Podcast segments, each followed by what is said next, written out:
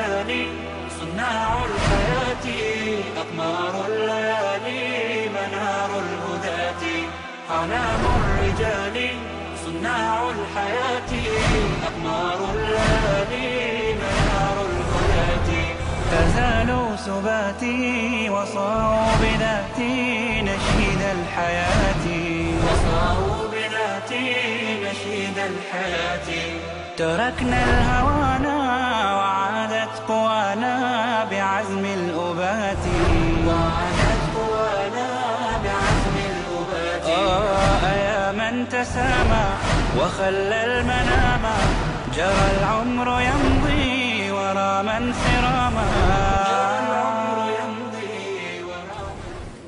بسم الله الرحمن الرحيم إن الحمد لله نحمده ونستعينه ونستغفره ونعوذ بالله من شرور أنفسنا ومن سيئات أعمالنا من يهدي الله فلا مضل له ومن يضلل فلا هادي له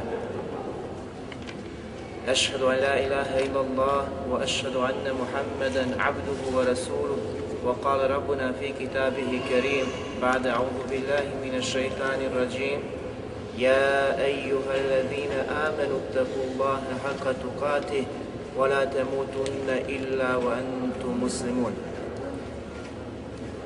Zahvala pripada Allahu subhanahu wa ta'ala koga naš gospodar uputi na pravi put zaista je upućen, a koga ostaju u zabudi neće mu naći nikoga ko će ga na pravi put uputiti. Svjedočim da nema drugog istinskog Boga osim Allaha subhanahu wa ta'ala i da je Muhammed alihi salatu wa salam posljednji poslanik poslan sa istinom. Naš gospodar plemeniti je kazao u svojoj plemenitoj knjizi Ovi koji vjerujete, bojte se Allaha istinskom bogobojaznošću i ne umirite nikako drugačiji osim kao muslimani. A zatim, assalamu alaikum wa rahmetullahi wa barakatuh. Zahvaljujem Allahu subhanahu wa ta'ala koji nas je ponovo sakupio na ovom bareć mjestu da nastavimo govoriti o i lijepim imenima i značenjima isti. Večeras sa kogog da, planiramo posljednje predavanje u ovom mjesecu, a u toku mjeseca Ramazana, ako Bog da, neće biti predavanja iz ovog serijala. Pa sam razmišljao koje večeras ime da uzmem. A da bi koliko toliko se podudarilo sa temom Ramazana koji nam je na pragu i koji dolazi. Pa sam uz Allahu subhanahu wa ta'ala pomoć odlučio i odabrao ime Ar-Raqib. Ar-Raqib koji u prijevodu značenja može zakazati onaj koji motri, onaj koji pazi, onaj koji nad svakom ili svakoj stvari bdije. Allah subhanahu wa ta'ala ime kojim se opisao Ar-Raqib je stvar koju treba imati svaki musliman, svaki čovjek, svaki pojedinac da je svjestan da ima izgrađenu svijest da je Allah subhanahu wa ta'ala taj koji ga prati, koji poznaje njegove pokrete, njegove tajne, ono što najavi iznosi i ono što u svojoj nutrini prikriva i skriva od ostalih ljudi. I ovo ime je povezano, draga braćo i cijene sestre, sa imenima El Alim, Es El Basir i El Hafiz. Povezano je. I dolazi kao vrhunac tih imena. mi smo kazali u dosadašnjim predavanjima da Allahova Subhanova wa lijepa imena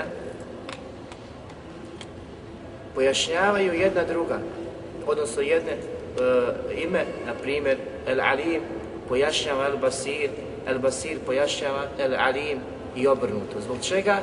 Zato što su povezani i mi ih ne možemo razdvojiti niti odvojiti od Allaha subhanahu wa ta'ala. Posebno imena koja imaju značenje koja se odnose na Allahov vat, na Allahov bare kevetala uzvišeno biće, koja su uvijek pri njemu, znači svojstvo osobine.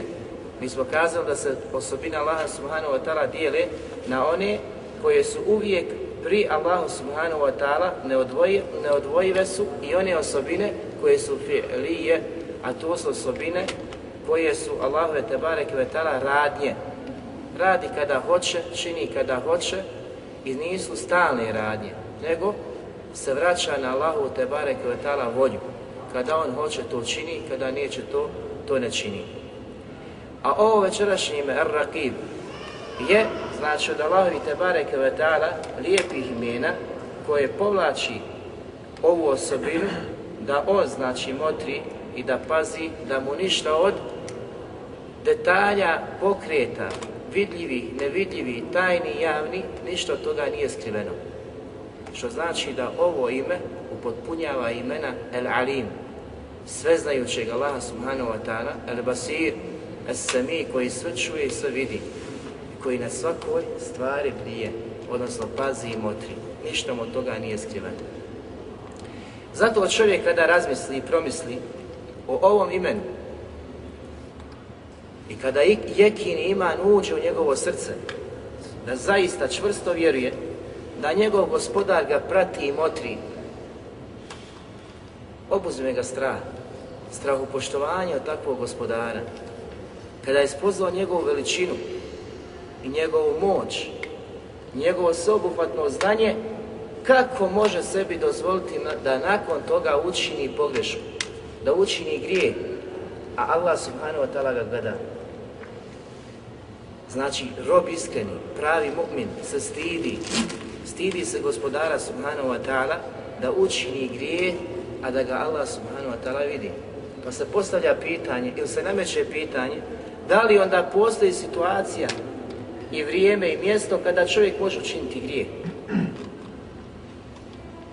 Nakon ovih imena ispoznaje ovim ovih imenima kojima se gospodar Tebare Kvetala opisao, odgovor je jasan, da ne postoji niti vrijeme, niti situacija, niti mjesto da može čovjek učiniti grije, a da je Allah subhanahu wa ta'ala taj koji ga ne vidi, ne Znači Allah subhanahu wa ta'ala posjeduje savršeno znanje, zna i vidi i ništa od stanja robova nije skriveno. Tako da čovjek kada vjeruje, kada iman u srce se ulije, ova spoznaja Allaha te bareke ve ta'ala, onda se stidi, ustručava da učini grije. Iako je duša ta koja ga nagovara, iako je šetan taj koji uvijek pokuzi ga, stalno mu došaptava, sve se svoje, ali se on bori čvrsto sa ovim imanom koji je ušao u njegovo srce. Zato mi znamo i čuli smo poslanikove sallallahu alihi sallam hadise mnogobrojne. Pa smo isto tako čuli one druge koji su opisali poslanika sallallahu alihi seleme da je bio, znači, stidni od koga? Od djevice u svojoj sobi. Stidio se, zbog čega? Zato što je imao savršenstvo imana koji može, znači, čovjeka dunjalku da, da izgradi, odnosno da dostigne takve deređe. I niko ne može, znači, preteći poslanika sallallahu alihi veseleme, jer je on, znači, pretekao sve. Pretekao sve. Savršenstvo, ono, kada bi se moglo kazati savršenstvo, u obodijetu, u obožavanju Allaha subhanahu wa ta'ala, dostigao je poslanik sallallahu alihi veseleme, zatim oni koji se natječu i koji idu njegovom stazom i čine sve ono što je činio poslanik sallallahu alihi veseleme, slijedeći ga i u malom i u velikom. U jeziku Ar-Rakib, kako su kazali jezičari, ima značenje al hafiz onaj koji čuva, ili al muntazir onaj koji dočekuje, onaj koji čeka, iščekuje nešto. Znači tu jeziku može se kazati da takvo značenje ima. Koliko se puta spominje o Allahu te barek ve ima u Kur'anu? Ar-Rakib. Učenjaci kažu da se spominje na tri mjesta. Znači na tri mjesta u Kur'anu se spominje Allahu tebare kvetala uzvišen ime er rakib Prije svega Allah subhanahu wa ta'ala u suri Maide u 117. majetu kaže Ma kultu lehum illa ma emertani an i'budu Allahe rabbi wa Govori Isa alaihi salatu wasalam kada je govorio gospodaru ja im ništa drugo nisam govorio i kazivao osim obožavajte moga gospodara i vaše gospodara. To je Isa alaihi salatu wasalam podučavao, ukazivao na gospodara Tebare Kevetala. Zatim kaže وَكُنْتُ عَلِيهِمْ شَهِيدًا مَا دُمْتُ فِيهِمْ I bio sam svjedok među njima. Znao sam šta čine dok sam bio živ. Dok sam bio među njima. Dok sam, znači, se družio s njima, dok sam ih nadgledao i bio uz njih, znao sam šta čine. Nakon toga Isa a.s. govori فَلَمَّا تَوَفَّيْتَنِي كُنْتَ أَنْتَ رَقِيبَ عَلِيهِمْ kada si me usmrtio, odnosno ovdje, znači ima značenje kada si me uzeo sebi, a znamo da Isa a.s. nije mrtav, nego da je uzdignut kod Allaha te bareke na nebo, kada si me znači uzeo sebi, ostao si ti taj rakib koji prati, koji motri i zna njihovo stanje, šta čini. Zatim kaže Isa a.s. وَأَنْتَ عَلَى كُلِّ شَيْءٍ A ti si svjedok svakoj stvari, znači ništa ti ne promiči tvom nadzoru, ti vidiš gospodaru svjetlova, znaš njihov hal, znaš svačiju situaciju. I u ovom ajetu Allah subhanahu wa ta'ala se opisuje imenom Raqib. Znači jedno od tri mjesta gdje se spominje Allahove tabareke wa ta'ala ime raqib Zatim, sure Nisa u prvom ajetu, znači završetak ajeta gdje Allah Đelešanu kaže Inna Allahe kane alikum Zaista Allah Đelešanu nad vama motri.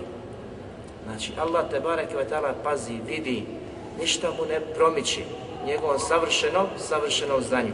Zatim, Allah subhanahu wa ta'ala u suri Al-Ahzab u 52. kaže وَكَانَ اللَّهُ عَلَى كُلِّ شَيْءٍ رَقِيبًا i zaista je Allah te barek taj koji motri i pazi svaku stvar. Ništa mu ne promiče, ništa mu ne promiče od toga. Znači ovo su mjesta u Kur'anu gdje Allah te barek spominje, spominje ovo ime kojim se on subhanahu wa opisao. Kako je značenje ovoga imena kada se odnosi na Allah subhanahu wa Vidjeli smo da u jeziku nekada može imati značenje onaj koji čuva, pazi, Šta su učinjaci kazali? Ibn Kathir rahimahullah za ovaj ajet koji smo naveli وَكَانَ اللَّهُ عَلَى كُلِّ شَيْءٍ رَقِيبًا Zaista Allah taj koji bdije na svakoj stvari ili koji motri svaku stvar, koji pazi, koji vidi, ne promiče mu znači njegovom savršenom nadzoru ništa od dešavanja i stvari stvorenja koje čini njihovi pokreta. Šta je kazao? Kaže, to jest on bdije na svakim vašim stanjem i dijelom. Šta god da činite, kakav god da ste hal, u kakvom god da ste u stanju, Allah te bare kevetala bdije i vidi. Ovo nije znači kazati Allah te bare kevetala bdije i vidi i motri. Ovo treba, Habibi, znači da uđe u srce, da čvrsto vjeruješ da Allah subhanahu wa ta'ala zaista te vidi i zaista te motri i da zna sve što činiš. I ne samo što činiš, nego i što razmišljaš, što kriješ, prikrivaš od drugih, kada si sam, kada si u samoći, kada si u društvu, kada ideš ulicom, kada hoćeš spavati, kada ostaneš u toku noći sam, u kući, u sobi, da znaš da nikada nisi sam. Možda sam jesi od pogleda ljudi i stvorenja, ali nisi, znači sam, od stvoritelja stvorenja. On je uvijek tu, uz tebi. Vidite, pratite, gledate. Ne promiče nijedan detalj tvoga života, Allah te Znači savršenim znanjem, savršenom moći, gospodar te bareke ve nadgleda, nadgleda, ima savršen nazor nad svim stvorenjima. I onda se čovjek zapita, subhanallah, kako, kako živjeti? Allah subhanahu wa ta'ala je olakšao život. Učinio je znači svoj šarijat, savršenim šarijatom. Učinio ga da budu muslimani ti koji će ga sprovoditi, raditi po njemu, vladati se po njemu, takav će osjeti zadovoljstvo, sreću, uspjeh. I vidjet ćemo šta je Ibn Kajim Rahimahullah kazao kada je opisao takve vjernike koji zaista imaju tu morakebu, koji su ostvarili svijest da Allah te bare kvetala motri njihov ha. Kako je opisao? Da su najsretnija stvorenja koja mogu biti na Dunjaluku, da prolaze ovu prolaznu kuću. Ko ili koga mi mojiđe ta spoznaja? i ta slast, odnosno nespoznane okusi to Habibi, on je izgubio svako dobro koje je mogao okusti na, na ovom dunjalku. Zatim Nuđari, rahimahullah, u komentaru وَكَانَ اللَّهُ عَلَى كُلِّ شَيْءٍ رَقِيبًا a Allah sve motri, sve pazi, sve vidi, kaže, to jest Allah motri na sve tvoje postupke, on detaljnije, znači pojašnja i Kesir je s obuhvatnim riječima opisao značenje, a Ibn Đarir znači pojašava detaljnije pa kaže Allah te barek ta'ala motri na sve tvoje postupke u pogledu onoga što je dozvoljeno i onoga što je zabranjeno. Znači to je halal, sve što radiš i činiš od halala da bi zaradio halal, da bi stekao halal, da bi ga znači unio, konzumirao, hraniš porucu, preživljavaš ti i tvoja familija, sve komšije, prijatelji, Allah te barek ta'ala sve te postupke vidi, sve ih motri i ništa od toga nije skriveno. Zatim, i haram, sve što činiš od harama, sve što pružaš korake svoje ruke prema haramu, tvoj pogled prema haramu, tvoje slušanje harama, sve što hraniš, unosiš u kuću, iznosiš, daješ familiji, prijateljima, komšama, Allah te bareke vetala sve to vidi i sve, sve to motri. Zatim kaže sve to čuva i ništa mu ne promiče. Kazali smo prije u imenu El Hafiz da Allah te bareke vetala čuva dijela svojih robova. Kako? da bi pojasnio i prikazao na sudnjem danu kada knjiga bude svima data, jer od Allahovog savršenog nadzora, znači da zna, da čuje, da vidi, da ta djela isto tako se zapisuju, čuvaju, da bi sutra na sudnjem danu bila predočena robovima, da ne bi kazali, Bože, ja to nisam uradio. Biće rečeno, uči svoju čitaj knjigu, u kojoj je sve zapisano, sačuvano, znači i malo i veliko, i malo i veliko što se činio, što se činio na Dunjalku. Zatim kaže, isto tako mu to čuvanje ne predstavlja nikakvu teškoću. Zamislite, nije u pitanju jedno stvorenje, jedan rob, desetak, stotinu, čovječanstvo. Od Adema do onog posljednjeg kojeg Allah Tebare Kvetala bude stvorio prije sudnjega dana. Allah Subhanahu wa ta'ala sve je zapisao, sve je sačuvao i sve će biti sačuvano. I ništa od toga mu nije teško, Danas kada mi kažemo, bratu, vode evidenciju za one koji dolaze, jel, koji su odsutni, učinje mu se poteškoća, pa propusti, pa posle pet dana kad izgubio sam papirić, ne znam gdje.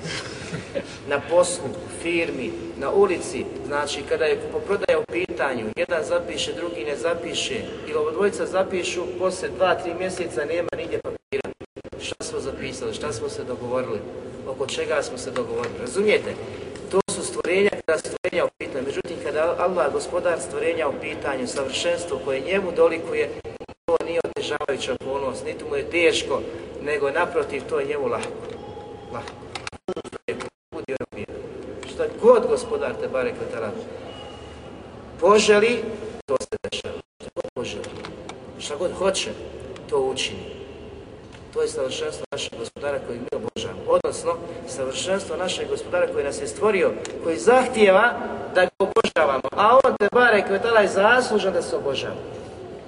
I ne smije se desiti da čovjek okrene glavu od obožavanja ovakvog uzvišenog, savršenog gospodara te Kvetala, koji se opisao, znači, bezbrojnim, savršenim svojstvima, neograničenim. Ne možemo ih pobrojati. Imena možemo, opisao Tebareke ve Tala koja su spomenuta u Kur'anu i Sunnetu, ali svojstva je nemoguće pogledati Allaha te te Tebareke ve Ta'ala. Zatim je kazao govor Katade koji kaže za isti aj da ima značenje onaj koji pazi i onaj koji čuje. tu se zašavaju riječi Zatim je džađ Rahimahullah je kazao da er rakib i značenje Al-Hafiz, pa kaže onaj koji nije odsutan od onoga što čuva. Kad ti povjeri danas neko da budeš čuvar u skladišta, firme, koliko čovjek čvrst, svjesno stan prevari, jel, zaspi. Međutim, gospodar Tebare ta'ala, ovdje kada se opisuje imenom Rakib, onaj koji nije odsutan od onoga što čuva. A svi smo mi u Allahovom te bareke vetala, znači i ispod njegovog nadzora i u njegovom čuvanju, održavanju. On upravlja i svemirom i onim što je u njemu, znači što je na nebesima i što je na zemlji, što je u zemlji i što je u nebesima. Gospodar te barek vetala to čine držljivim svojom voljom i svojom snagom, svojom moći, tako da mu ništa toga nije teško kada on čuva, kada motri, nije odsutan od toga. Što znači da ga niti drijemeš, niti san obuzimaju u toku tog nadzora. Danas to renja, koliko god da mu povjeriš, koliko god da mi povjeriš da čuvam, preuzeo sam manet, nisam u stanju da ga ispuštim onako kako treba. U većini slučaja mi to provjerimo, osim onih kojima se Allah Tebare Kvetala smilovao, uputio na pravi put, pa im podario i nadahnuo da rade po sunetu poslanika sallahu alihi A takvi je, takvi je znači vrlo malo. Zatim Ulejmi Rahimullah je kazao, er rakib je onaj koji nije nemaran prema onome što je stvorio. Pa nastavlja, jer bi to značilo manjkavost kada se odnosi na stvoritelja. Znate da je nemara, da mu prolazi neki, neki, neki detalje stvorenja, njegov nazor, njegove kontroli, to je značno manjkavost. A gospodar Tebare Kvetara je čist od manjkavosti, od osobina manjkavosti. Ni u kom slučaju se ne može opisati osobinama manjkavosti kao što su znači ga opisali židovi, kao što su ga opisali kršćani, mnogobošci i oni koji nisu spoznali Allaha te bare kvetala onako kako, kako mu dolikuje. Zatim kaže ili bi se desili propusti prilikom njegove nepažnje. Razumijete?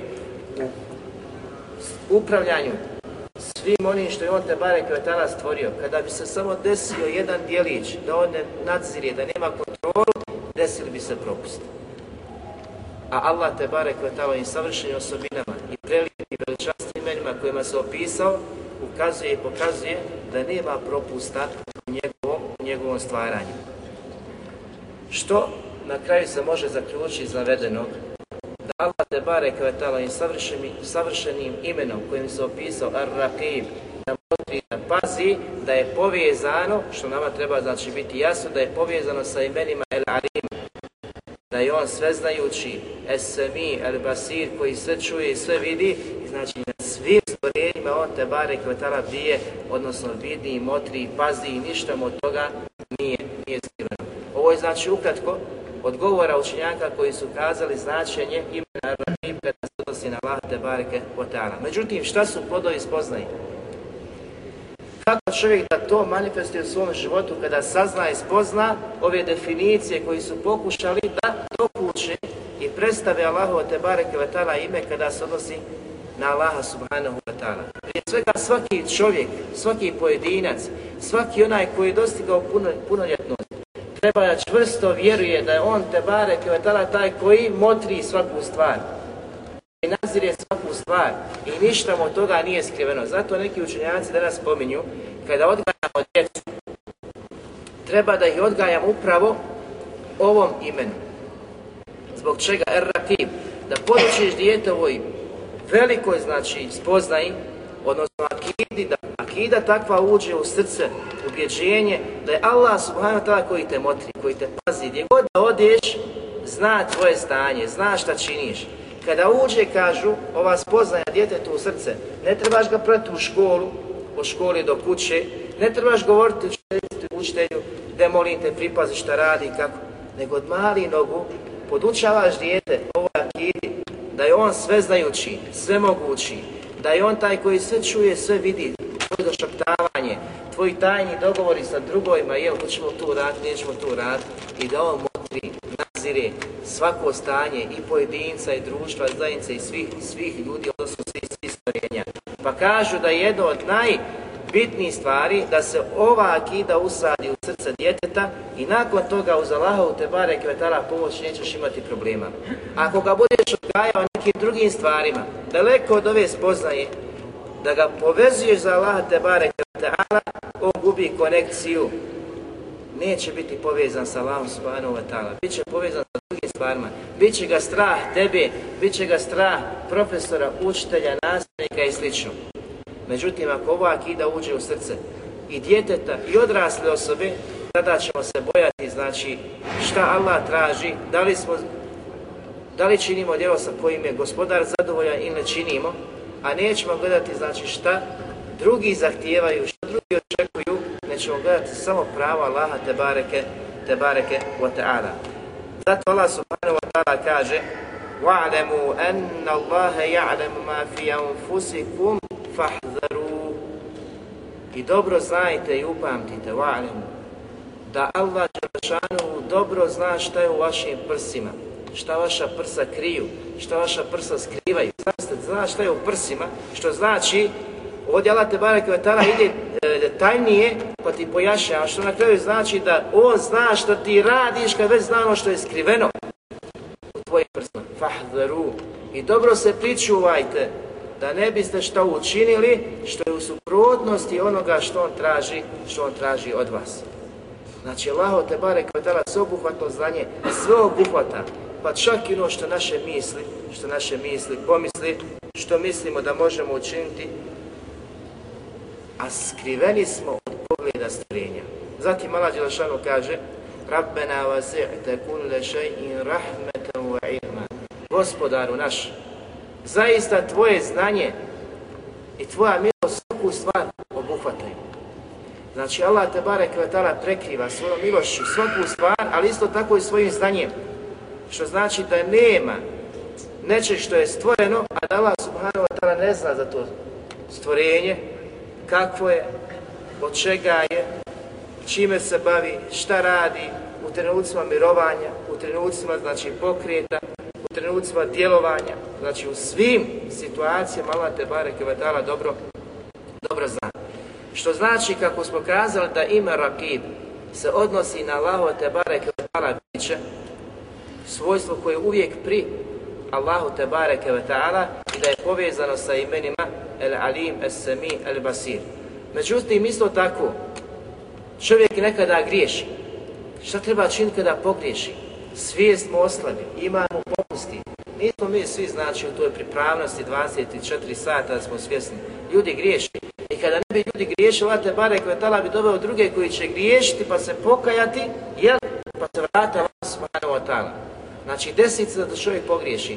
Međutim, ta njegova svijest, da je on svjestan da je pogriješio, vraća ga ponovo da se pokaje onome koji svaku stvar nadzire, sve vidi, ništa mu ne promiče, jel? To te tjera, ta ima te tjera da se pokaješ onome koji zna tvoju stvar, zna što si učinio. Ali ako nemaš te svijesti, ako nemaš tog imana, nema onda ni teube, nema onda ni kajanja. Jer ova spoznaja te znači vodi tome da ti se pokaješ i vratiš gospodaru te bareke S druge strane, ista morakaba, ona se ogleda i u muba stvarima, u dozvoljenim stvarima. Kada si na ulici, kada si u društvu, kada si u kući, kada si sa prijateljima, bilo gdje, da imaš bibi lijep ahlak, lijepo ponašanje, odmjeren si, znaš šta pričaš, kako pričaš, ne želiš nekog povrijeti, znači ta morakava, ta svijest, dijelija si svjestan svake situacije, svakog ljetanja, svakog postupka, da znaš da je gospodar te bare kvetala iza tebe, da te prati, da te motri, pa sebi nemoj dozvoliti da radiš nešto sa čim on nije te bare kvetala zadovoljan, pa kada radiš dozvoljenu stvar i tu dozvoljenu stvar da radiš i činiš u granicama dozvoljenog, da ne prelaziš, da ne prelaziš ni u tome granicu. Jer nakon ovakve spoznaje, onda postaje jasan hadis poslanika sallahu alihi vseleme, kada je upitan o ihsanu, dobročinstvu. Šta je to dobročinstvo? Pa je poslanik sallahu alihi vseleme kazao da je to da obožavaš Allaha subhanahu wa ta'ala kao da ga vidiš, a iako ti njega ne vidiš, on tebe vidi. To je tamo rakama, svijest, koje izgradi blagoste njemu takav znači živi životom sretnika na Dunjaluku, takav obožava Allah subhanahu wa kao da ga vidi. Međutim, svi dobro znamo ko smo, šta smo, svak za sebe zna kako je. I ova svijest se ne može onaj, naći kod čovjeka u toku noći, u toku jednog trenutka. Treba da se bori, treba da se izgrađuje, da se nadograđuje činjenjem dobrih dijela. Činjenjem dijela koja će mu povećati imanu Allaha te koja će mu povećati ovu svijest da izbjegava harame, da ne čini harame, da nije na mjestu gdje se haram čini, gdje se Allahova vira vrijeđa, gdje se vrijeđa Allah te barek gdje se vrijeđa poslanik sallahu alihi veseleme, jer svi takvi skupovi djeluju da tvoj imam popusti, da tvoj iman oslabi. Kada budeš to izbjegavao, s druge strane budeš činio puno dobrih dijela, tvoja svijest je sve jača i jača, tako ćeš postati inšala jednog dana, jednog trenutka, od onih koji su izgradili najveći stepen imana, a to je stepen dobročinstva, da obožavaš Allaha subhanahu wa ta'ala kao da ga vidiš, iako ga ne vidiš, od tebe, on tebe zaista vidi.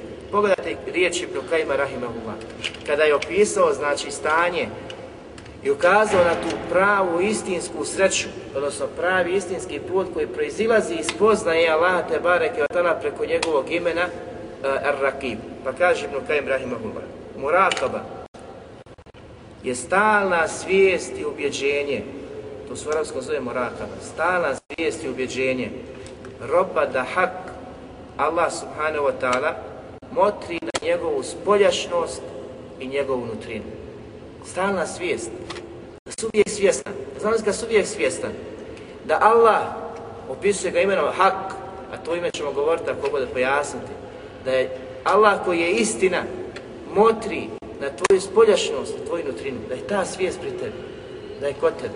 A bibi, šta što onda činiti nakon toga?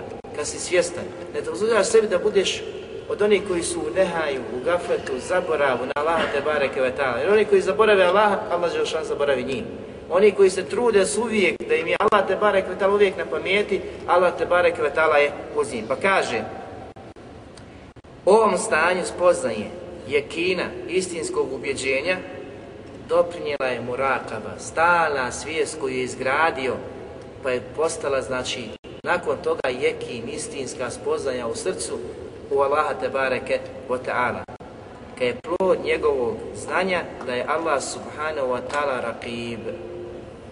Kad znaš i spoznaš Allah subhanahu wa ta'ala preko njegovih imena, a ovdje znači konkretno se govori o imenu raqib, da je on taj koji motri i prati, da nadzire svako stanje, svako stvorenje, imat će znači ovakav vjekin.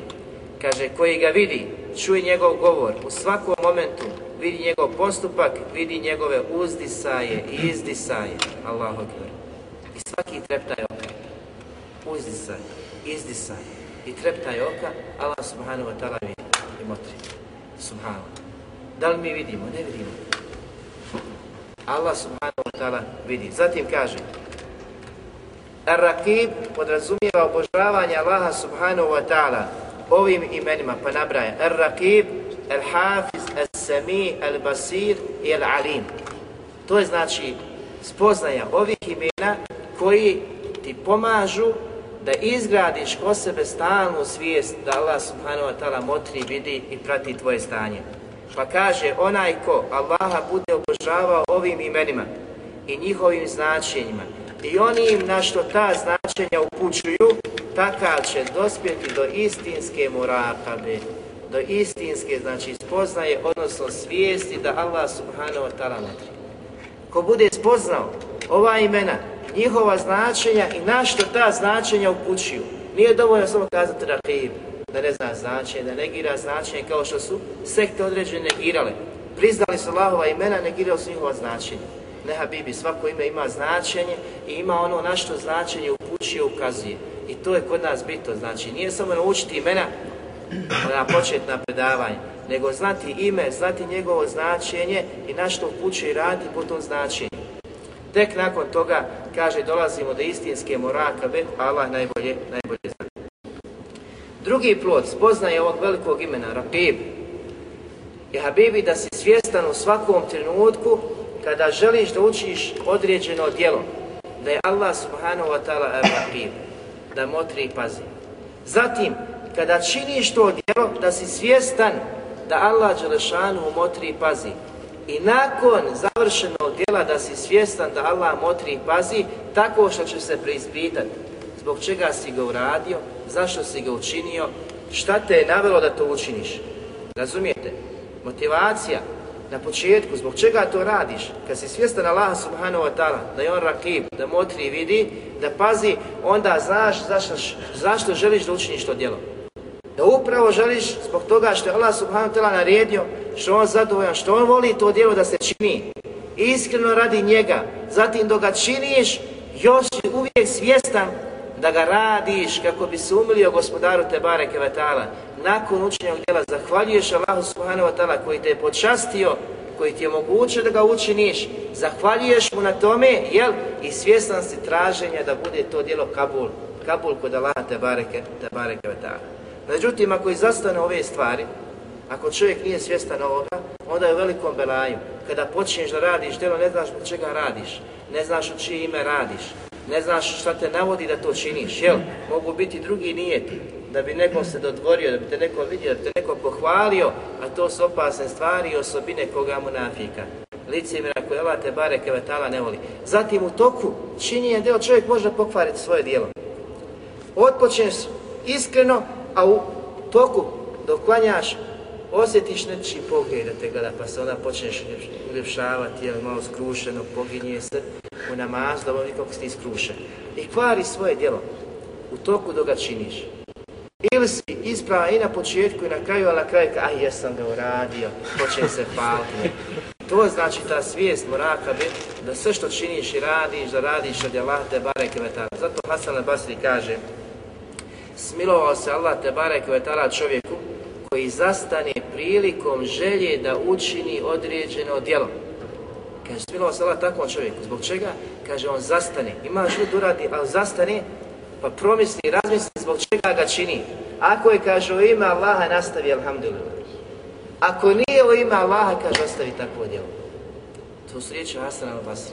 Odnosno ono što se slaže sa onim što mi navodimo.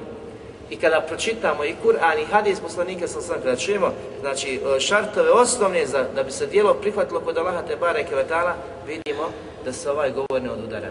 Da čovjek treba da promisli, da razmisli zbog čega činiš ovim, ono, zbog čega dolaziš. Zbog čega ideš u džaniju, Zbog čega ideš na posao?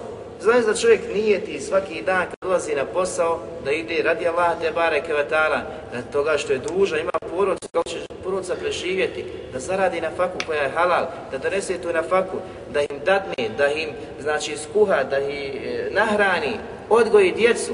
Za sve to čovjek kada nije ti ima nagradu. Suprotno, odlazi što je tvoja svakodnevnica, nemaš nijeta, nema ni hajra, nema, odnosno nema nagrade za to a svaki dan to činiš, a tvoj nijet, tvoj nijet čini čudo.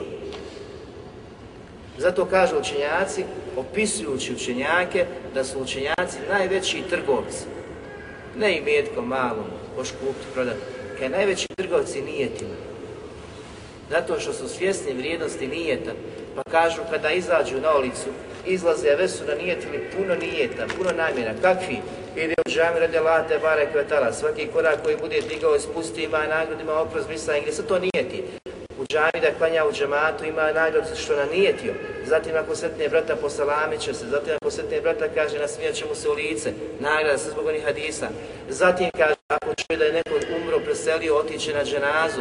Zatim ako se neko razbolio od džematija njegove braće kaže on će ga obići i nijeti, nijeti, nijeti. Kaže, ode u džam, ništa se toga ne desi, osim što je klanio za imamo. Kaže, svaku stvar koju je nanijetio, koji je bio iskren, ima nagradu. Pa kada dođu, kažu, na predavate Barek bareke ti koji su nijetili, koji nisu nijetili, tamo brda dobrih dijela, vama ništa. Isto dolaze ljudi svakodnevno u džamiju. Onaj, jedan nisu klanjali, odnosno dženaze, obilazi bolesnike, ali onaj nijetio, ovaj nije nijetio. I preteko koga je zbog tog nijeta. Šta znači to taj nijet? Pravi, iskreni nijet, u ime Allah te bareke sa čvrstom odlukom da se ispušte taj nije, da namjer. Ne znači nije tiš inša Ono običajno inša nego čvrsto, poslije čega znači nema dvojbe. Allah Đelešanu ukazuje i upućuje na ovaj govor da čovjek treba da se pripazi prije nego što uradi djelo, zatim da se pripazi nakon toga kada uradi djelo. Allah subhanahu wa ta'ala poznat majetu Kaže, ja ejuha amenu wal tanzur ma qaddamat koji vjerujete, bojte se Allaha Đelešanuhu, ottakullah.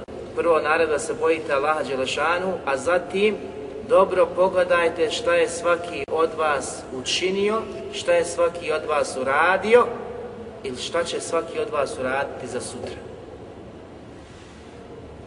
To je svijest kada treba da uradiš, prije nego što uradiš, da se bojiš Allaha subhanahu wa ta'ala. Da radiš nakon toga. A kada uradiš to djelo, Allah Đelešan kaže vatakullah. Boj se Allah za ono što si sutra pripremio, odnosno što danas činiš, da bi sutra susreo gospodara te barake od s tim dijelima. I nakon toga ponovo bojte se Allaha Đelešanu, inna Allahe habirum bima ta'melun. Zaista Allah obaviješten o svemu onome što vi činite. Znači Allah subhanahu wa ta'ala ovdje ukazuje i poziva vjernike da se boje Allaha Đelešanu prije nego što počnu učiniti nešto. Zatim ono što su učinili što rade, da nakon toga opet se boje Allaha subhanahu wa ta'ala jer on dobro vidi, dobro je bavio samo svemu što se čini. A sva ova djela koja mi danas činimo su djela koja će se sutra prezentirati. Sutra na sudnjem dan će se ona predočiti. Pa Habibi, koliko si danas iskoristio, koliko nisi. Danas imao šansu od sabaha kada se ustao do akšama, odnosno do jacije, imao si čitav dan da iskoristiš u hajratima dobročinstvu. Koliko sam uradio, koliko si uradio. Ovaj dan se još nikada neće uraditi. Nikada. Osim što će ti biti predočeno na sudjem dan što su njim uradio. I zamislite koliko od nas ovdje sjedi, samo Allah zna ko od nas šta uradio u toku dana. Koliko od nas ima oni koji prednjači, koji su nas pretekli. A koliko nas ima miskina, nismo ništa uradili i ono što smo radili, Hala, da vas samo primi. Znači nismo u potpunosti ga ovaj, uradili onako kako Allah traži od nas. A koliko ima među nama oni koji su nas pretekli na filama, dobročinstvu, dobrovoljnim stvarima. A koliko nas ima ono što smo od farzova uradili, nismo se odazvali onako kako gospodar te bare koja tela traži. Zato Allah kaže, dobro se pripazite, dobro vidite, Bojte se Allaha, sve ono što činite, kako ćete sutra to naći što ste učinili? Da znači, je čovjek svjestan kada radi djelo, da ga radi radi Allaha te barek onako kako ga je radio poslanik sallallahu alijek i da očekuje za to djelo veliku nagradu a da se ne divi sam sebi, da se ne hvali takvim dijelima, da ne kaže ja sam ovo, ja sam ono, nego to da sakrije koliko je god mogućnost. Pa ako ga neko razotkrije, alhamdulillah što ga je razotkrio, može će biti sebe u drugom nekom bratu, da isto tako počne činiti. Jer su ta tajna djela stvar koja čini znači razliku između onih iskrenih i onih koji misle da su iskreni. Koji misle da su iskreni. Što imaš više tajnih dijela, a bibi to je onaj veća šansa za tebe za uspjeh. Što imaš više javnih dijela od nafila, ne pričamo o farzoma, gdje se ova traži da mi dođemo, da se vidi, da mi dolazimo hač. da te svi ljudi vidi, da govoriš što više možeš podignuti povišenim glasom, lebejk, Allahume lebejk, to je ono, sve ono što čuje svjedočiti za to. Ali ova tajna djela, skrivena djela, sadaka, slično, pomaganje, dobročinstvo i slične stvari, a bi treba i čovjek imati što više, ali i prikrivati, sakrivati, kao što je opisano da desnica, da ljevica ne zna što je dava desnica. Toliko skriveno, znam se dvije ruke, jedna od druge se krije. Tako je od pogleda, pogleda stvorenja. Jedne prilike Omer radi Alanu, primjer, nećemo navesti primjer Omera, nećemo navesti primjer Ebu Bekra, Osmana, Alije, ashaba koji su najbolji u generaciji umeta poslanika sallallahu alihi vseleme nakon poslanika sallallahu alihi vseleme. Navješću vam primjer jednog dječaka, jednog momka koji je rastao znači, u vrijeme poslanika sallallahu alihi vseleme. Ali kakvu je svijest imao Allahu subhanahu wa ta'ala? Znači izgrađenu svijest. U ovoj predaji se bilježi da je Omer Adjelano pro, prošao jedne prilike pored stada koje je čuo jedan, jedan poznati znači dječak čoban pa je Omer prošao pored stada i sjedila mu se jedna ovca. Zastao je i pokazao prsto na ovcu. Kaže mu, dječak, šta želiš? Kaj želim je kupiti. Kaj ja ti je ne mogu prodati jer ja nisam vlasnik stada. Imam vlasnika, gospodara koji znači prodaje i koji dozvoljava. Ja nisam taj koji mogu, ja samo čuvam ovdje. Kaže njemu Omer želijeći ga iskušati. Kaže, dobro, kaže svom gospodaru da ga je pojao vuk. Nema ga, naišao vuk i gotovo. Kaže njemu čoban u tom trenutku, Vajna Allah, a gdje je, kaže Allah Đelešanu? Kad je toliko ostalo traga na Omera, ova rečenica koju je kazao, gdje je Allah? Znači, ako me ne vidi moj vlasnik i mi se ja dogovorim oko nekog, e, neke e, djelovičnog imetka koje ćeš mi dati, gdje je Allah koji vidi mene i tebe i naše stanje? Kaže Omen nakon toga se je vratio, otišao, potražio vlasnika mladića, njegovog gospodara, otkupio ga pošto je bio rob, zatim ga oslobodio. Pogledajte što znači ta bogobojaznost i strah da Allaha te bareke da uvijek će doći samo sa dobrim.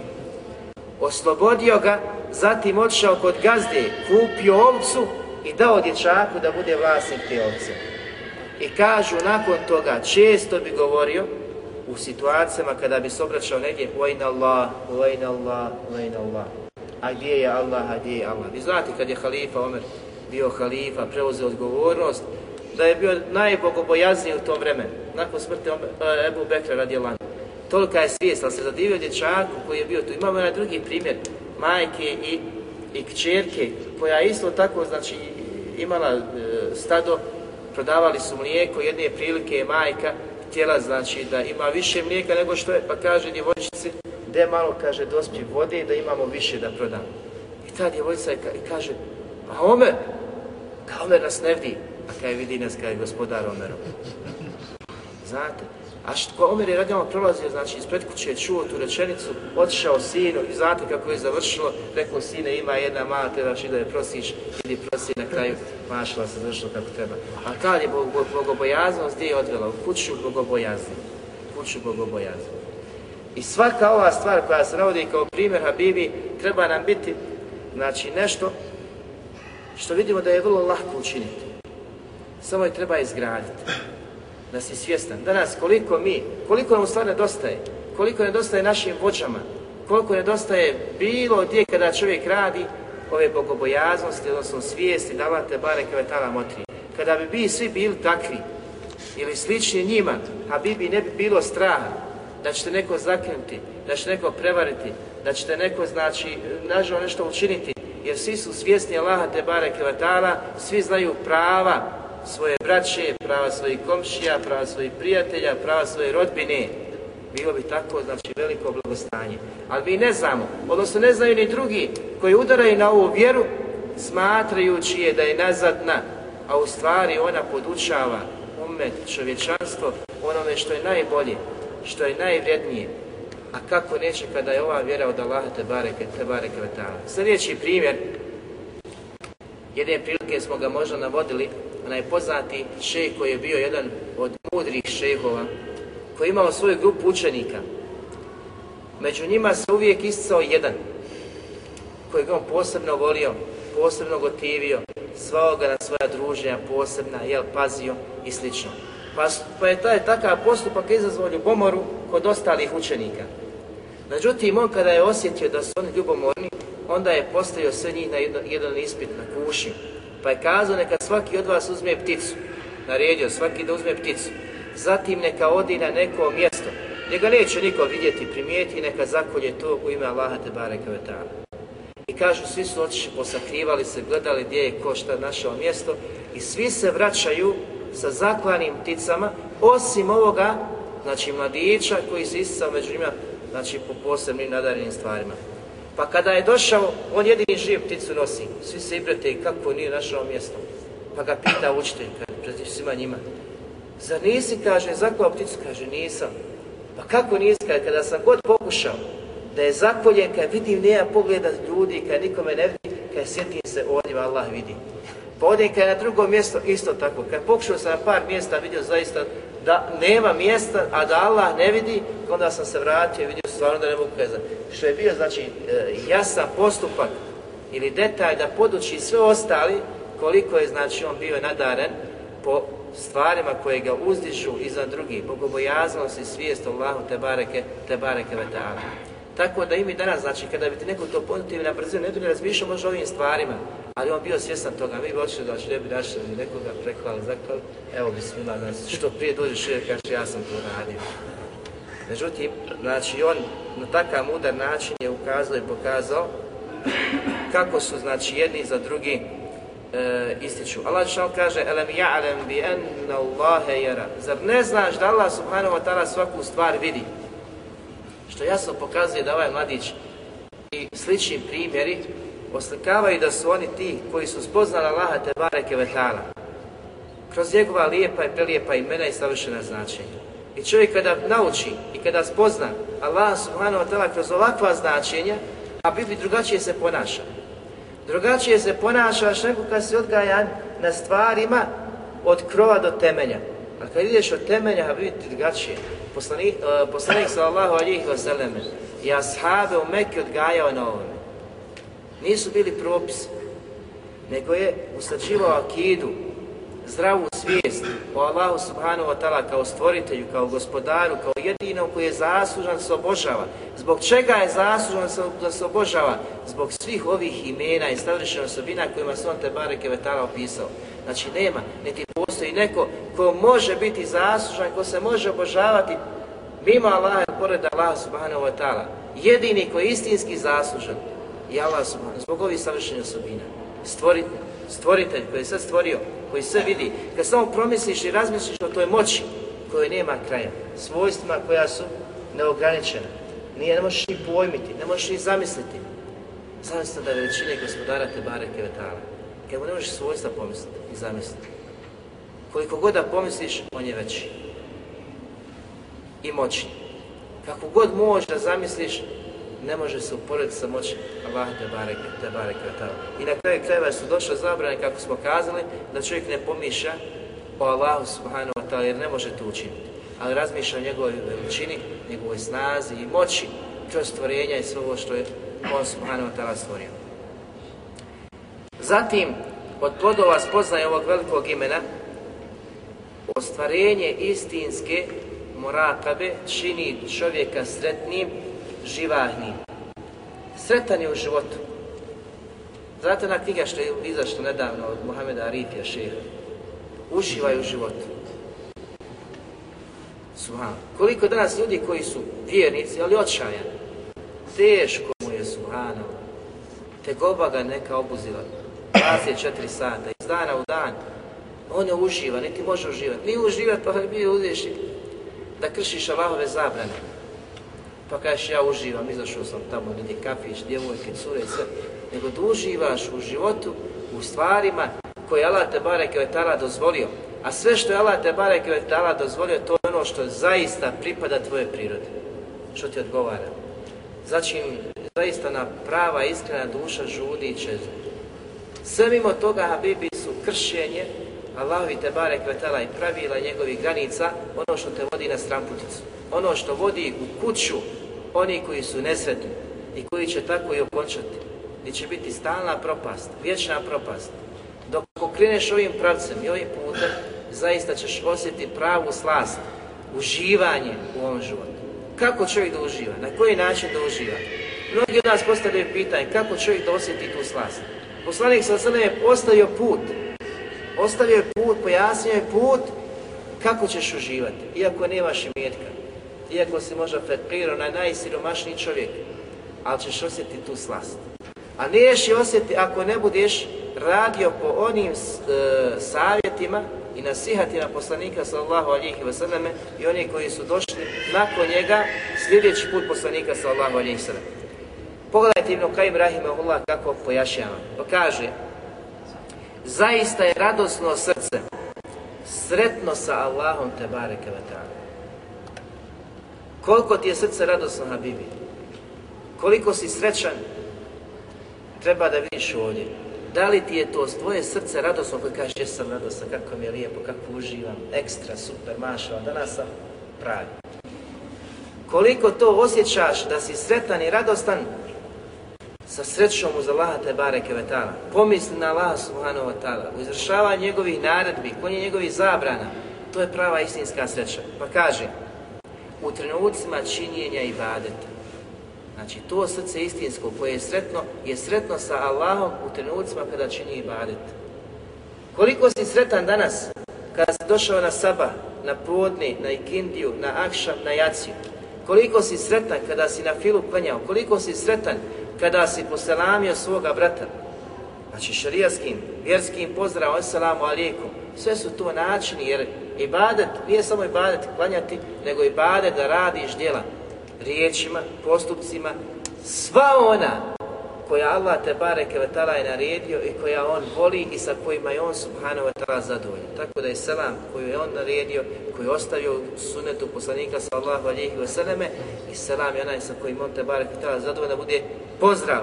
Znači dio i ibadeta, kada poselamiš, da li si sretan Habibi kad se selamiš sa mnom, da li sam sretan kada se selamiš s tobom ili Zaista istinska sreća dolazi u ovakvim situacijama, da osjetiš, znači u tim badetima, i to je Ibnu Kajim želi da pojasni i da ukaže. Svima onima koji nedostaje ta sreća, kako će je naći, gdje će je potražiti, gdje će zaista osjeti tu sreću i slast uživanja života na ovom prolaznom svijetu. I vidjet ćemo šta kaže na kraju oni koje mi mojiđe, mi mojiđe o vas poznaje. Zatim kaže i ne samo i badetima kaže već i o drugim poslovima. Jer smo kazali, znači one koji su muba stvar, koji nije i badet, ali ako doživljavaš i radiš od te bareke kevetala kao što znači nesiješ, da poslužiš, ugostiš, e, slično znači neki hajrat, sadica neku koju sadi, znaš inšala nekada, da će ona izrasti, da će plod dati, da će neko ubrati. To radi sve. I želje da se umiriš, da odvoriš Allahu te bareke vetara i svaki tvoj posao se pretvara Habibi u pozitivan, pozitivan posao. Zatim kaže nakon toga, srcu je potrebno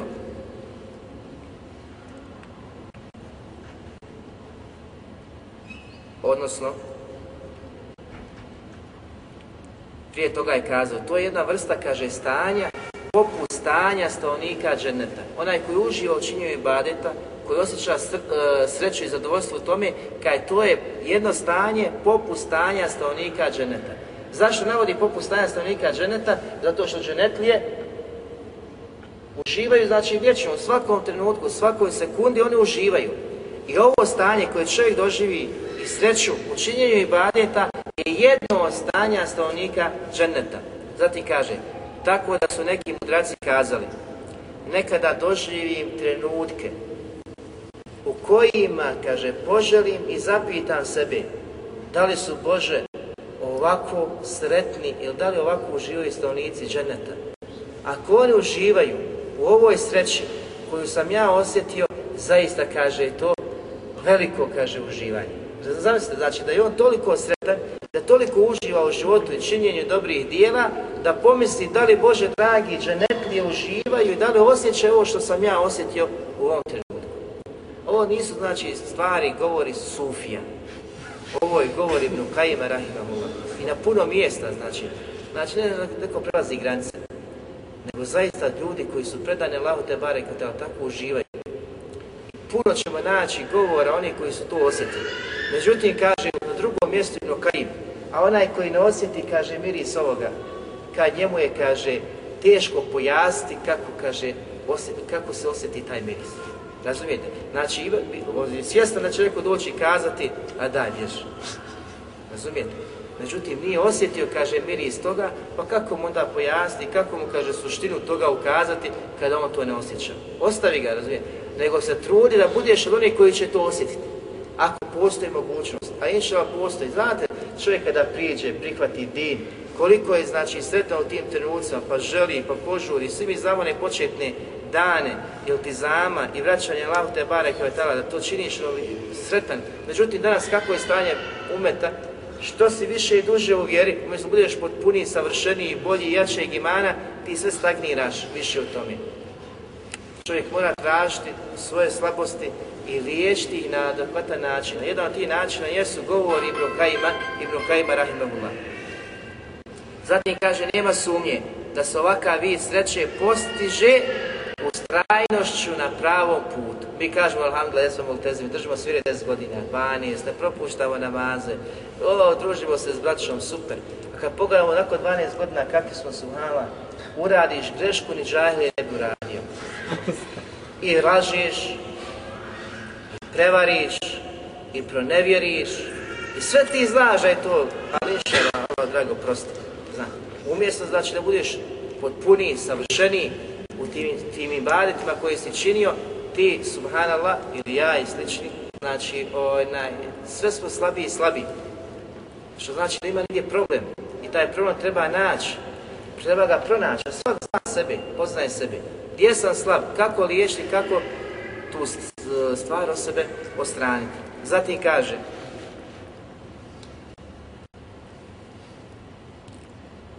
Ustraješ na putu koji vodi Allah subhanahu wa ta'ala ulaganje velikog ili e, velikog truda na tom putu, što znači da si ustrajan, ali isto tako moraš da uložiš veliki napor da budeš ustrajan tome.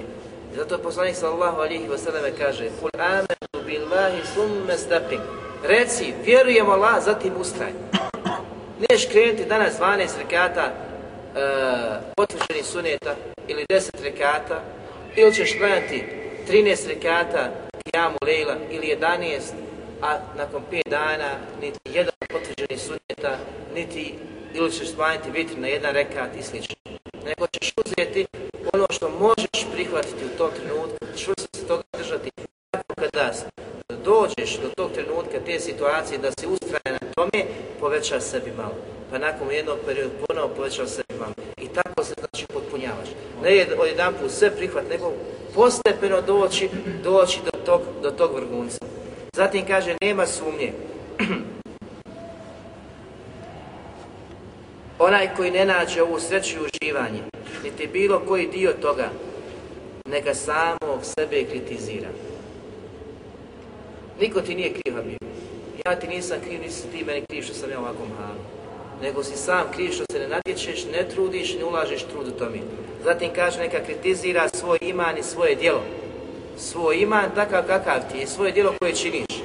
Jer iman posjeduje slast, a onaj koji tu slast ne opusti, neka se povrati i ponovo potraži nur svjetlo u Razumijete, znači došli smo nakon 12 godina, ne osjećamo negdje smo propustili nešto, preskočili smo. Daj iz početka, ponovo. Žrtvi dimani, kako Arapi kaže, broj svoj iman, iz početka, Habibi, ponovno Učiš od početka, stepenicu po stepenicu, dok ne dođeš na ovo što si propustio. A sigurno kada se, znači šta sam mislio ovdje, da se preispitaš, da se vratiš, pogodaš, gdje si, ko si, šta si, šta si preskočio. Možda se odgovorio neke stvari koje su ti jako bitne, ti si smatru da su neobavezne, da ne trebaš posvijeti pažnju tome, vrati se i pogledaj. A vidimo, znači, bar dobar dio može da primijeti da je preskočio one temelje i počeo igrati sebe od drugog sprata do podkroga. Znači ovaj prvi sprat i prizemlje i ove temelje trebamo da gledamo gdje smo, šta smo oko spoznaje Allaha subhanahu, subhanahu wa ta'ala. Jer samo, kaže, s tim možeš osjetiti slast imana se ponovo vratiš, preispitaš, pogledaš, šta si preskočio, samo znači na takav način može se vratiti na slasti mana.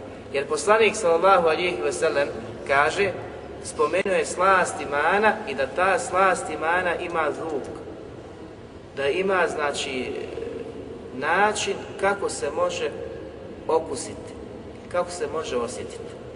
Pa kaže poslanik sallallahu alihi wasallam, osjetit će slast imana ko bude zadovoljan sa Allahom kao gospodarom, da si zadovoljan Habibi, ne ono zadovoljan, moj gospodar je Allah, zaista to osjetiš. Da si ti taj koji ispunjava njegove naredbe, da se svaki dan trudiš, da se umiriš tom gospodaru s kojim si ti zadovoljan kao gospodarom. Zatim, sa vjerom, islamom kao vjerom, dinom, koju voliš, koju cijeniš, koju poštuješ, koju izvršava, sve njene naredbe, sve što se traži, prvi su u tome. I sa poslanikom Muhammedom sallallahu alihi veseleme kao poslanikom. Da ti bude najdraži od svih stvorenja. Da ti niko nije draži. Ko bude znači takav da je zadovoljan sa Allahom kao gospodarom, vjerom Islamom kao vjerom i poslanikom Muhammedom sallallahu ve veseleme kao poslanikom, takav će osjetiti slast. Sad se postavlja pitanje, ko od nas nije zadovoljan sa tim? Svi smo zadovoljni. E, sad se vraćamo tu, šta si preskočio od tog zadovoljstva? Zaista, kad kažeš si zadovoljan sa kao gospodarom, šta si tu preskočio? Šta si preskočio kada kaže si zadovoljan sa vjerom, pa se stidiš? Izađeš na ulicu pa se ustručavaš, da se pojaviš tamo, obaraš pa glavu, jel? Ima takvih, znači, e, trenutak kada se ljudi stidi, pa posebno ljudi koji su daleko od pratikovanja vjeri. Kaže, ne može, kaže, da je musliman, ne može kaže da je pripadnik jel islama i slično tome. Takav nikad neće osjetiti, sve dok ne bude zadovoljan sa gospodarom, gdje god da si Allah, Islam i Muhammed alaih salatu Islam. Tri stvari koje su i najvrijednije i najbolje, ne može ništa se s tim pored niti biti slično, slično tome. Zatim u drugom rivajetu, kaže poslanik sallahu alihi wasallam, sve Ibnu Kajimov govor, kod koga se nađu tri stvari, osjetit će slast imana. I ovo je mjerilo. Kaže poslanik sallallahu da mu Allah i njegov poslanik sallallahu alejhi ve selleme budu draži od svega drugog od svakog drugog. Kad ti Allah bude najdraži i kad ti bude poslanik sallallahu alejhi ve selleme najdraži, to je prva, prvi znak da ćeš ako da uskoro osjeti slast imana. Jer imaju i druge stvari koje je poslanik sallallahu alejhi ve selleme naveo. Šta znači kad ti Allah bude najdraži poslanik? Kad ti bude toliko drag, da, kako kaže Ibn Kajim, žudiš da to izvršiš, pa da obožavaš i žudnije želje i sreće za susretom s njim, da slijediš poslanika sallahu alihi vseleme, da žališ što nisi bio tu, u tim trenucima kada je on dobio poslanicu da Allah te bareke budiš uz njega, da žudiš da ga vidiš, da bi dao sad svoj metak kako u rivajetu stoji, i svoju porodicu metak sebi žrtvovao na putu samo da vidiš poslanika sallallahu ve sellem. Tada ćeš abibi, početi da osjeća slast, slast imana u Allaha subhanahu wa ta'ala, odnosno vjerovanju Allaha i sliđenje poslanika sallallahu ve sellem. Zatim kaže poslanik sallallahu ve sellem da ne voli čovjeka ni zbog čega drugog, osim radi Allaha subhanahu. To nije lako. Danas ljudi se voli zbog interesa. Ako si dobar, imaš neku poziciju, drag si mi, pokušam se umiliti da bi ja nešto od toga hajrovao i slično. Međutim, ne možeš osjetiti slast imana dok ne budeš volio svoga brata isključivo radi Allaha te bare kvetala. Nešto drugi hoće. Nešto drugi smatra ako si tu s njima u tom džematu, dobar si mašao. Nego zaista kad si s njima da ih se voliš ima Allah Želešanu da voliš svakog pojedinca u ima Allaha Đelešanu svakog brata koji svjedoči Allahovu jednoću i poslanikom sallallahu alihi vseleme risalu, njegovo poslanstvo, da ga voliš radi Allaha Đelešanu, ni zbog čega drugog, da ne očekuješ ništa da ti da, da te pozove na ručak, da te provoza, da ti sredi posao, da ti nešto olakša, ne Habibi, nego samo da ga voliš radi Allaha Đelešanu. Kada budemo takvi, što čovjek što može zamisliti? blagostanje, sreću, rahatlu, kepotu, džemata, zajednice. sve dok budemo daleko od ovih povezivanja i ovog osnovnog, e, osnovnog e, e, osnovnih stvari koje treba da se, da se prihvate i da se rade po njima, mi ćemo biti daleko. A koliko ćemo tek biti daleko od slasti imana? Možemo samo govoriti, laša, nikako ja, ja samo i mi. Mi smo najbolji u Bosni, mi smo najbolji u Europi, mi smo najbolji u Balkanu, nigdje niko nije sličan poput nas. Mi smo najbolji. Međutim, Habibi, svaki od nas neće doći kao džemat pred Allaha Đelešanu i kao džemat odgovarat nego će svak doći kao pojedinac i odgovarat za sebe, za svoja djela, šta je učinio, kako se je znači, izgrađivao i kakav mu je imam bio u Allaha Tebare Kvetala. To je ono što ćete spasiti, to je ono što će biti sebe Allahove Tebare Kvetala milosti. Sve mimo toga je opasnost i velika, znači, e, velika opasnost da li ćeš uspjeti ili ne. Zatim kaže poslanik sallallahu alihi vseleme, treću stvar, a koja je nama jako bitna, našoj zajednici u Bosni. Znači neće osjeti slasti mana osim onaj kod koga se nađu tri stvari. Prva stvar je da mu je Allah, njegov poslanik, najdraži od bilo koga. Druga, da voli čovjeka samo radi Allah. I treća, da mrzi povratak u džahilijet, kao što mrzi da bude bačen u džehennem. Ovdje nama jako obično. Danas kreneš stopama poslanika sa selem, kažeš volim Allaha, volim poslanika, oni su mi najdraži, život ću da dam za Allahovu vjeru i za poslanika sa Allahu alijih vaseleme, volim svoju braću, za njih ću život da dam. Međutim, kako vrijeme prolazi, tebi ostaje ahi tamo nešto. Vučete, vraćate, onaj džahilijet, ponovo se vratiš, a bi to treba da prezireš, da mrziš, da mrziš ime džahilijeta, tek kako treba da mrziš ono što je džahilijet. Te postupke, taj život koji si, u kojima si bio, pa te Allah te barek je tala svoje milosti dobroti izvukao iz toga. Treba tek da osjeti sad zadovoljstvo i sreću ljepotu, a ne da u srcu osjećaš, jo, kako uživaju, joj, da mi je malo. Pa malo znam, pa na utakmicu da odem s onom rajom tamo u tribinama, malo u kafić, pa cura jedna, pa cura druga, pa ovi, sve ono zna. Dolazi ti šeta i on će ti dolaziti u sve sve, A Bibi ta slast, mana ljepota i jeki u tvojom srcu neće dozvoliti, nego ćeš da mrziš, da preziriješ i da mrziš sve one koji su na tome koji su na tome, te postupke, taj džahilijet, kojem slučaju se biti u tvojom srcu nikako ne smiješ biti zadovoljan s tim, nego da pokušaš ovo što si osjetio, ako si osjetio i ako smo osjetili, da drugima preneseš. A znači poslanik sallallahu alejhi ve sellem kaže neće ga osjetiti u slast mana dok ne bude imao ove osobine pri sebi. Sada koliko imamo te osobine pri sebi? Imamo govor. Ali ove riječi u kaburu će onaj pomisliti da može izgovoriti džahil i nevijenik, jer su one danas lahke za izgovoriti. Allah, zadovoljan sam gospodarom. Poslanik kao poslanik, vjera, vjera islamu. kaburu Habibi neće izgovoriti osim onaj koji bude čvrst na ovom svijetu. Čvrst u značenju, u vjerovanju, u ljubavi, isprovođenju i radu po tome. Da imaš praktično to kod sebe.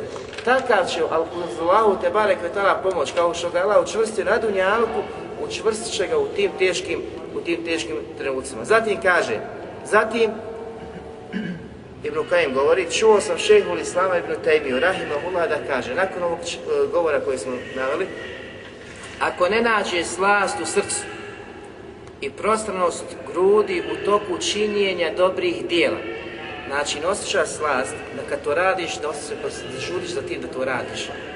I svoju, znači, proširenost grudi, kaže, kori svoje dijelo, jer gospodar tvoj je šekur koji zahvaljuje. Znači, šekur je u značenju onaj koji zahvaljuje. Zatim je dakle, Ibn Kajim navodi, ovo Ibn Tejmije govori, ako ne nađe slast, dok čini što djelo, kori svoje djelo, od njega nema fajde, jer je gospodar Tebare Kvetala Šekur zahvalan je, odnosno on nagrađuje i daje onome ko se trudi. A onda Ibn Kajim znači zaključuje njegove riječi pa kaže, dakle, on je taj koji slašću imana, snagom i zadovoljstvom u grudima nagrađuje trudbenika na njegovom radu na Dunjaluku. Razumijete, ovaj šekur, gospodar koji se opisao šekur, je taj koji nagrađuje. Kako te nagrađuje? Dok se trudiš i radiš, nagradite da imaš tu slast imana, dok se trudiš radi Allaha te bare kvetala. Ako to ne osjetiš, vidiš da je to izostalo, kori svoje djelo, kori to što radiš i pokušaj da se popraviš. Vidiš šta si preskočio od onoga što trebaš da imaš kod sebe. Zatim kaže, Ibn Kajim. Ako to ne nađeš, ne osjetiš slast imana kod sebe, pa to je prihod koji si ostvario. To je rezultat onoga što se ti trudio. Ništa. Ništa, nisi uspio. Ponovo iz početka, još uvijek imaš šansu, živ se, alhamdulillah, ponovo znači popravljaj se. Pa kaže Allahova bliskost, sreća i zadovoljstvo traže se u povećanom činjenju ibadeta Allahu. Ne ono površinski pomalo nego ko želi zaista dosjetiti tu slast, ljepotu, mora da se trudi, mora da poveća što više i ibadeta čini Allah subhanahu wa ta'ala, a ono što će pobuditi i zazvati je, kaže, ozbiljnost, marljivost i veliko zalaganje tom putu. Zato kažu učenjaci, čudim se, kaže čovjeku koji žudi za dženetoma spava i čudim se, kaže, onome koji bježi od a spava. Šta su htjeli kazati? Znači da su lijeni da se ne trude, ne žele, ne skaču, ne ostaju svoju postelju, ne ustaju, ne plaću na kijamu, ne plaću na ruku, ne plaću na seždi, kaskaju, nisu znači ustrajni, ne trude se onako kako treba da se trudi, pa se čude znači, čuje za dženet, ljepote dženeta, on spava jednik. Čuje za strahote džehennema, on spava, ne trudi se, znači ovdje se kaže ne trudi se, ne radi dobročinstvo, svaku stvar koja ga vodi, koja ga vodi da bi se sačuvao džehennema, a da koja ga uvodi u džennet. Koliko je ostalo do jacije?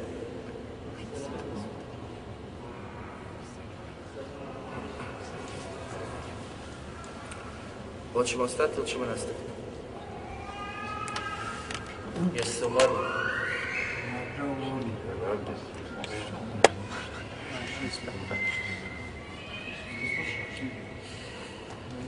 Ova stala morakaba Znači, onaj ko misli da neće izdržati do kraja može ustati slobodno. Da se ne svijest Allahu od plodova jeste da usmjerava čovjeka da vodi računa o svom govoru.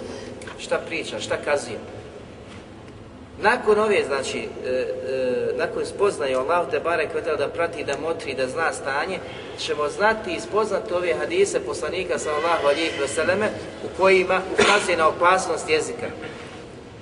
U hadisu Ebu Hurere koji je vjerodostojan, kaže da je poslanik sallallahu alihi veseleme ispričao priču da su kod Benu Israila bila dva čovjeka i jedan i drugi su se trudili jedan se trudio u hajru, a drugi se trudio da učini loše djelo.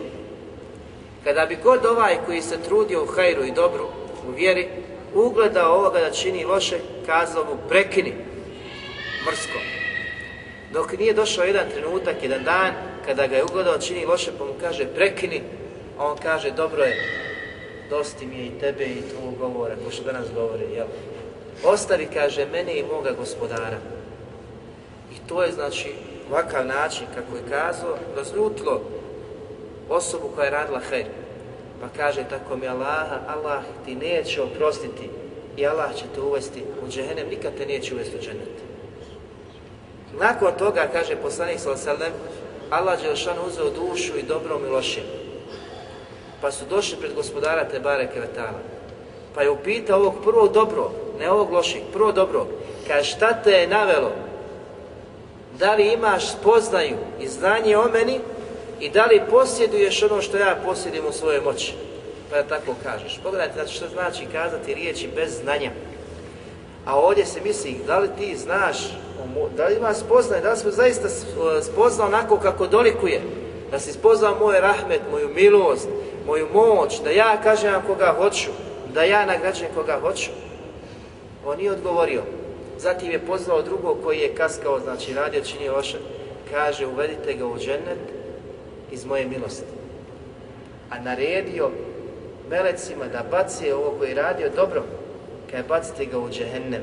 I zatim Ebu Hureyre kaže, nakon toga, poznata rečenica, kaj tako mi Allaha, tako me onoga u čijoj ruci moja duša, izgovorio je riječi koje su uništile njegov Dunjavuk i njegov ahiret.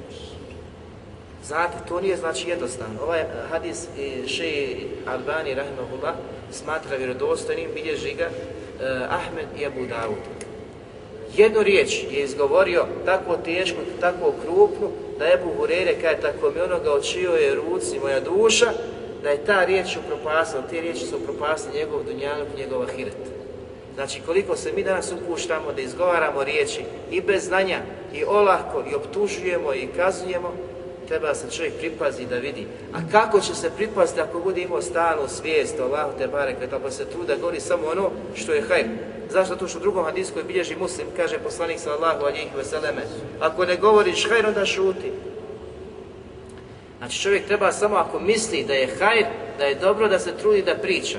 U ako nema koristi njegovog govora, treba da, da šuti, da vrlo malo priča. Jer onaj koji Ovdje je puno šutio, kažu, takav će uspjeti, tako učenjaci kažu. Onaj koji mnogo šuti, kaže, on ima šansu da uspije. Jer sve što kažeš, sve što izađe, na sudnji dan moraš da odgovaraš za te riječi koje si kazao. Šta si mislio, šta si, e, kako je znanje koje je znači, proizašlo iz toga, a te kakve su posljedice ako si krivo nekom nešto kazao, optužio ili rekao. Zatim u drugom hadisu kaže poslanik sallallahu alihi wasallam, zaista rob nekada izgovori neku riječ ne obraćajući pažnju prema njoj niti neki veliki značaj. A ta riječ bude od hajra, pa mu kaže Allah tom riječi podigne, kaže deređe, velike u A nekada kaže riječ, ne obraćajući važnost i značaj prema njoj, a Allah Đelešanu ga zbog te riječi baci u dubine džehennema. I ova hadis je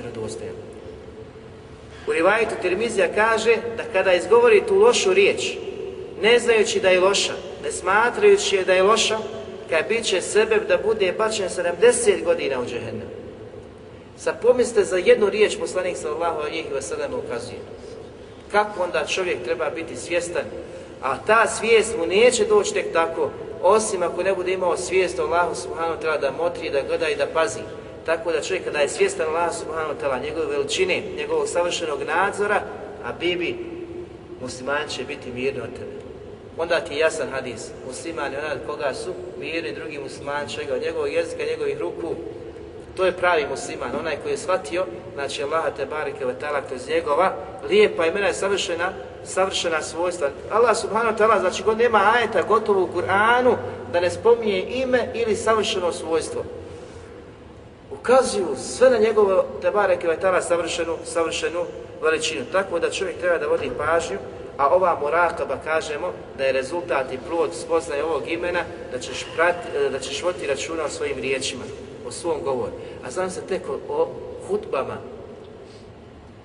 Znači, kada pričaš ljudima po sat i dva vremena napadajući druge, koliko se tu riječi kaže sa kojima gospodar te bare ta nije zadovoljan. Ne hudba, ne mislim hudba, to je rekao ja priča. Sjelo, obraća se, pričaš, na ulici, u autu, kod komšije, kod prijatelja. Danas, znači, puno pričam, a vrlo malo vodimo računa o tim riječima za koje ćemo odgovarati pred Allahom te bareke, te bareke vatanom. Zatim je ova ista murakaba sebe da čovjek ostavi griješenje. Da ostavi griješenje. Kada znači si svjestan Allah subhanahu tela njegove veličine, njegovog savršenog nadzora, to te sprečava činiš grije. Zbog čega? Zato što učenjaci kažu, kada čovjek uradi grije, uradi grije, a zna da ga Allah subhanahu wa ta'ala vidi i da zna njegovo stanje. Znači, poput vjernika, radi čovjek grije, nešto negira, nego zna Allah ga vidi, let, šetan, strast, uradi grije. Kaže, i zna da ga Allah subhanahu wa ta'ala vidi, pa kažu, ima li hrabrijeg od takvog koji čini grije, a svjestan je Allah subhanahu wa ta'ala. Znači, kakvu hrabrost trebaš da imaš da uradiš grije, a svjestan ste Allah njegove veličine. A kažu isto vrijeme, a ima li, kaže, e, čovjeka da je u težoj situaciji od njega, znaš, zato što je opasnost velika da ga u tom trenutku dok čini taj grijeh može kazniti. S druge strane kaže, čovjek nekada učini grijeh ili ima ljudi koji rade grije i vjeruju da je Allah te bare kvetala ne Pa kažu, ima li većeg nevjernika od takvog? Znači, dok radiš grije, da ima svi za tela ne Znači nema većeg nevjernika, negirao se Allah te bareke ta njegovo prisustvo, njegovo znanje, njegovu moć, njegov nadzor. Kaže ima li većeg nevjernika od takvog? I to dokazuju kuranski majke da takvi ljudi postoje. Djelaš nam kaže Jestahfune mine nasi وَلَا mine Allahi wa huwa ma'hum مَا لَا ma la yarda mine Kažu, ovdje vam kažu, oni se kriju od Allaha te Znači, kriju se od Allaha, ne znajući da se kriju u smislu tom, nego prikrivaju se i od ljudi i da bi ljudi ne vidi. I onda zanoće i govore riječi ili smišljaju riječi sa kojima gospoda nije zadovoljan. Jestahfune mine nas. Kriju se od takvi. A kao vala jestahfune min Allah. A ne kriju se od Allaha te barek Odnosno, e, ne smatraju da Jela Đelešanu uvidi, nego misli ako ga čovjek vidi, pa će se sakriti od njega, razumijete, i učiniti grije. A zaboravi Allah te da vidi i njega i vidi toga od koga se krije i sve, da ima savršen nazor. وَكَانَ اللَّهُ بِمَا يَعْمَرُونَ مُحِيطًا A zaista Allah Đelešanu je taj koji svojim znanjem se obuhvata. Znači, postoje ljudi koji rade grijeh i čine grijeh krijući se od ljudi, a ne kriju se od Allaha, jer nisu svjesni Allaha te bareke da ih vidi, nego misli da ga samo čovjek može vidjeti a izostavi onoga koji je stvorio čovjeka, koji je stvorio stvorenja, to je stvoritelj gospodar, e, stvoritelj stvorenja, gospodar Tebare Kevetala. Zatim hadis poslanika sallallahu alejhi Seubana i kaže poslanik sallallahu alejhi ve sellem zaista kaže znam je ovo hadis koji je pravo opasa po pitanju nas i e, čovjek treba se pripazi. Kaže poslanik sallallahu alejhi ve sellem doista poznajem ljude hadis je vjerodostojan doista poznajem ljude i svog umeta koji će doći na sudnjem danu s dobrim dijelima poput brda. Tako će imati dobrih dijela. Međutim, kaže poslanik sa osalem, Allah će Đelešanu pretvoriti sva ta njihova dobra djela u prašinu.